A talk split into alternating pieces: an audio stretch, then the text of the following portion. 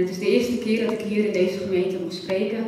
En meteen gaat het over uh, een van de hoogtepunten in Jezus' leven. Tenminste, dat is voor mij wel, uh, wel zo. Het is uh, Goede Vrijdag vind ik altijd weer een bijzonder moment in het jaar. wat daar gebeurde, bijna 2000 jaar geleden, heeft altijd op wat voor manier dan ook weer zoveel te zeggen. bij het kruis komt alles wat er is gebeurd in de geschiedenis van Gods volk samen. Maar ook voor mij nu nog dat alles wat er is gebeurd in mijn leven bij het kruis lijkt samen te komen. En wat een kracht gaat er nog steeds vanuit van, dat, van wat Jezus daar voor ons deed. En vanavond wil ik tot jullie spreken vanuit het thema zie elkaar. En dat is wel een beetje gek um, dat ik dat zeg, zie elkaar. Um, want ik ben hier samen met nog een aantal anderen in het kerkgebouw. En als ik tegen hun zeg van zie elkaar, dan kan ik ook zien dat ze echt naar elkaar kijken. Um, maar, uh, en ik weet dat jullie mij zien, uh, maar ik zie jullie thuis niet. En um, jullie zijn ook allemaal nog eens vanuit jullie eigen huizen ingecheckt vanavond. En jullie zien elkaar ook niet. En toch wil ik ook tegen jullie zeggen, zie elkaar. Ik wil me vanavond richten op een kort zinnetje die Jezus zei uh, aan het kruis. Het zijn maar een paar woorden. Maar alle woorden die Jezus aan het einde van zijn leven nog meegeeft, uh, zijn zo zorgvuldig gekozen en vol van betekenis dat het echt de moeite waard is om daar goed naar te luisteren. Woorden die iemand spreekt uh, vlak voordat hij of zij sterft, krijgen vaak een extra lading en krijgen extra betekenis. Die woorden zuig je op en neem je tot je als een dierbare erfenis. En zo mogen we ook deze laatste woorden van Jezus tot ons nemen. Go ahead. Jullie moeten wel doorgaan. Dat was uh, wat een vriendin van mij tegen mij zei en nog een vriendin die bij me was een paar dagen voordat ze stierf. Jullie moeten wel doorgaan. En dat hebben we haar beloofd. En zorg ook goed voor mijn man en kinderen, vroeg ze nog aan ons.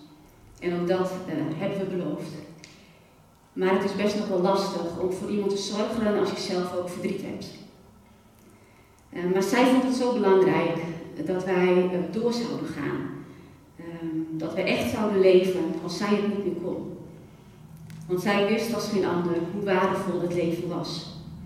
En hier moest ik zelf aan denken toen ik nadacht over de laatste woorden die iemand kon spreken. En nu zijn we hier bij elkaar op Goede Vrijdag. De dag dat we in veel kerken wat stilgestaan bij het lijden en het sterven van Jezus en aan wat daaraan vooraf ging. De pijn en de lijden en het lijden dat hij moest dragen, zodat de weg naar de Vader uh, weer vrij zou komen. Jezus moest het probleem van het kwaad voor ons mensen oplossen, omdat wij het zelf niet konden. En dat probleem van het kwaad is opgelost. En wij mogen nu vrij voor God staan. Ja, het probleem van het kwaad is opgelost, maar de gevolgen van het kwaad, die zijn vaak nog zo tastbaar en zichtbaar. En dat kan soms crashen in je hoofd. Jezus is gestorven, hij is opgestaan en het nieuwe leven met hem is begonnen. En soms zien we facetten van het nieuwe leven al voor ons, maar regelmatig staan we ook met onze voeten in de modder. En die twee kunnen soms crashen in je hoofd. Hoe doe je dat? Leven, echt leven midden in dit leven. Hoe zou je dat uh, moeten doen?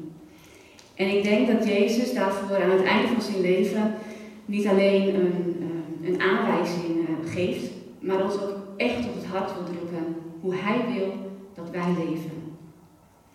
Ik wil jullie meenemen naar Golgotha. Jezus staat op het punt te sterven en hij weet dat. Hij heeft zelf besloten dat hij die beker tot het bittere einde leeg zal drinken. Hij zou zijn macht kunnen gebruiken om van het kruis af te komen, maar dat doet hij niet. Hij kiest er vrijwillig voor om zijn leven te geven voor al die mensen en voor u en voor mij. Hij zal zijn macht gebruiken om weer op te staan. Wij weten dat maar dat weten die mensen daar op dat moment nog niet. Zij hebben alleen gezien hoe Jezus werd gevangen genomen, hoe hij werd veroordeeld en hoe hij nu aan het kruis hangt en hoe het leven uit hem eh, gaat.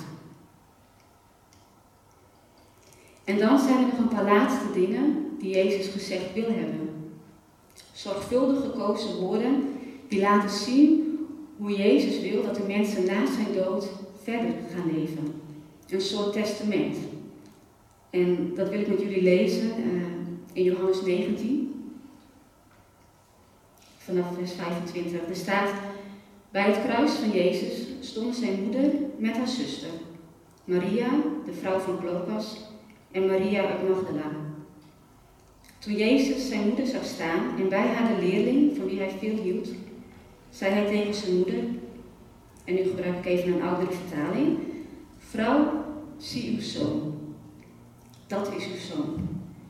En daarna tegen de leerling, zie uw moeder. Dat is je moeder. Vanaf dat moment nam die leerling haar bij zich in huis. En toen wist Jezus dat alles was volbracht. En om de schrift geheel in vervulling te laten gaan, zei hij, ik heb dorst. Er stond daar een vat zure wijn. Ze staken er een majoraantak met een spons in en brachten die naar zijn mond. Nadat Jezus ervan gedronken had, zei hij, het is volbracht. Hij boog zijn hoofd en gaf de geest.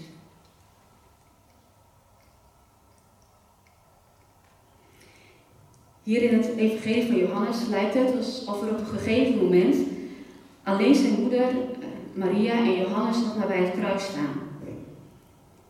In het lijden wordt Jezus' wereld zo klein dat hij alleen nog maar um, oog heeft voor die twee mensen die zo persoonlijk bij zijn leven betrokken zijn geweest. Hoe moeten zij zich gevoeld hebben? Daar hing haar zoon en zijn vriend, degene in wie ze hun hoop gevestigd hadden en in wie het leven nu langzaam wegvloeide. Wat is er nu terechtgekomen van dat koninkrijk waar Jezus het steeds over had? En ik stel me voor dat ze daar met z'n tweeën en elk met hun eigen vragen en met hun eigen verdriet naast elkaar staan. En Jezus ziet ze. En dat vind ik zo bemoedigend. Hij ziet ze en hij spreekt ze aan. Hij vraagt niet om medelijden. Hij heeft ook geen klacht en geen verwijt. Ook wijst hij niet naar zichzelf. Zo van jullie wisten toch dat ik moest sterven. En snappen jullie dan nog steeds niet? Jullie weten toch dat ik weer op zal staan? Nee, hij laat ze naar elkaar kijken. Vrouw, zie uw zoon, zegt hij, en zoon, zie je moeder. En ik stel me voor dat ze elkaar daar ook echt aangekeken hebben. Ze waren niet echt moeder en zoon, maar Jezus maakt ze hier tot moeder en zoon. Jezus kan niet meer voor zijn moeder zorgen, hij gaat sterven. En hij zal daarna nog een tijdje op aarde verschijnen, maar dan moet hij naar de hemel. Dat is de plek waar hij moet zijn. Want op aarde kon hij maar op één plek tegelijk zijn. Maar vanuit de hemel kan hij ervoor zorgen dat het evangelie zich gaat verspreiden over de hele aarde. En vanuit de hemel kan Jezus door de Heilige Geest overal tegelijk zijn. Maar als zoon had Jezus de verantwoordelijkheid om voor zijn moeder te zorgen. En hij was de oudste zoon. En hij kon dat niet meer. Hij wil haar niet zonder zorg achterlaten. En dus geeft Jezus deze twee mensen aan elkaar. In zijn lijden ziet Jezus de mensen voor wie hij houdt en is hij gericht op hen, heel persoonlijk. Maar het gaat om meer dan zorg alleen. Jezus sticht hier een nieuwe familie. Hij doet en benadrukt nog één keer waarvoor hij naar deze aarde kwam. Hij sticht een familie niet uit bloedband, maar een familie die één is in zijn bloed. Een familie die samen deelt in de kracht van Jezus' werk aan het kruis. Een familie die één is in Hem. En een familie die mag laten zien wat het betekent om bij deze Jezus te horen, zodat ook anderen uitgenodigd kunnen worden om met die familie mee te doen. En in Jezus' onderwijs had hij al iets aangegeven weet je wie mijn familie is? Weet je wie mijn vader en wie mijn moeder is? En dat uh, kunnen we lezen in Matthäus 12. Uh, daar is Jezus uh, in, huis en er zijn er mensen bij hem. En dan komt er iemand bij hem en die zegt: Uw moeder en uw broers staan buiten. Ze willen u spreken. En hij antwoordde: Wie is mijn moeder? En wie zijn mijn broers?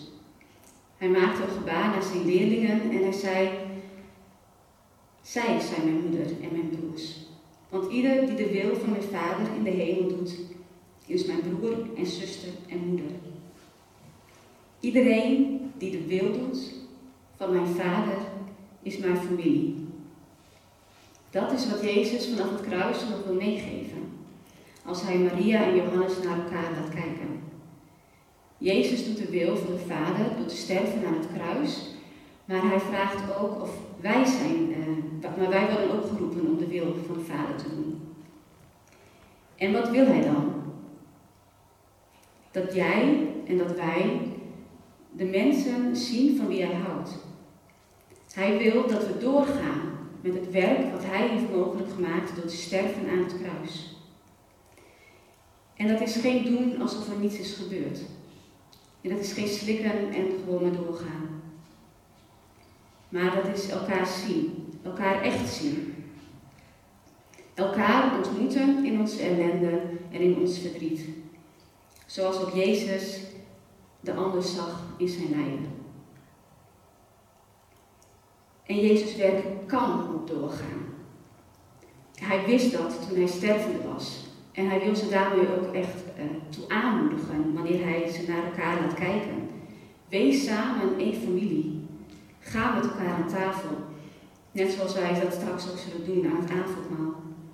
Zie elkaar en deel het leven met elkaar, want dat is de manier waarop de wereld kan zien. En Johannes die neemt na het sterven Maria in huis. En ik weet niet hoe jullie dat uh, voor je zien. En er wordt ook niet zo heel veel over gezegd uh, in dit Bijbelgedeelte. Maar als je bij elkaar in huis gaat wonen, dan kan dat er heel.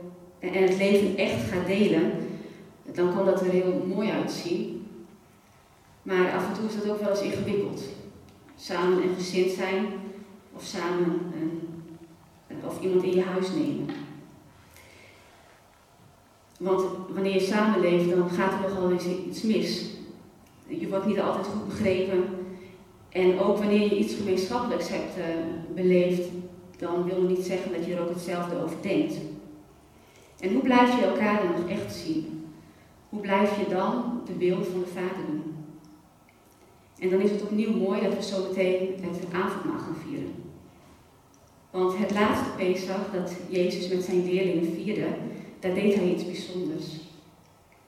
Daar was hij ook bezig om zijn leerlingen voor te bereiden uh, op de manier waarop ze na zijn sterven met haar om moeten gaan. Dus, uh, op wij elkaar liefde kunnen blijven zien. En dat is ook de manier waarop de wereld hem kan leren kennen.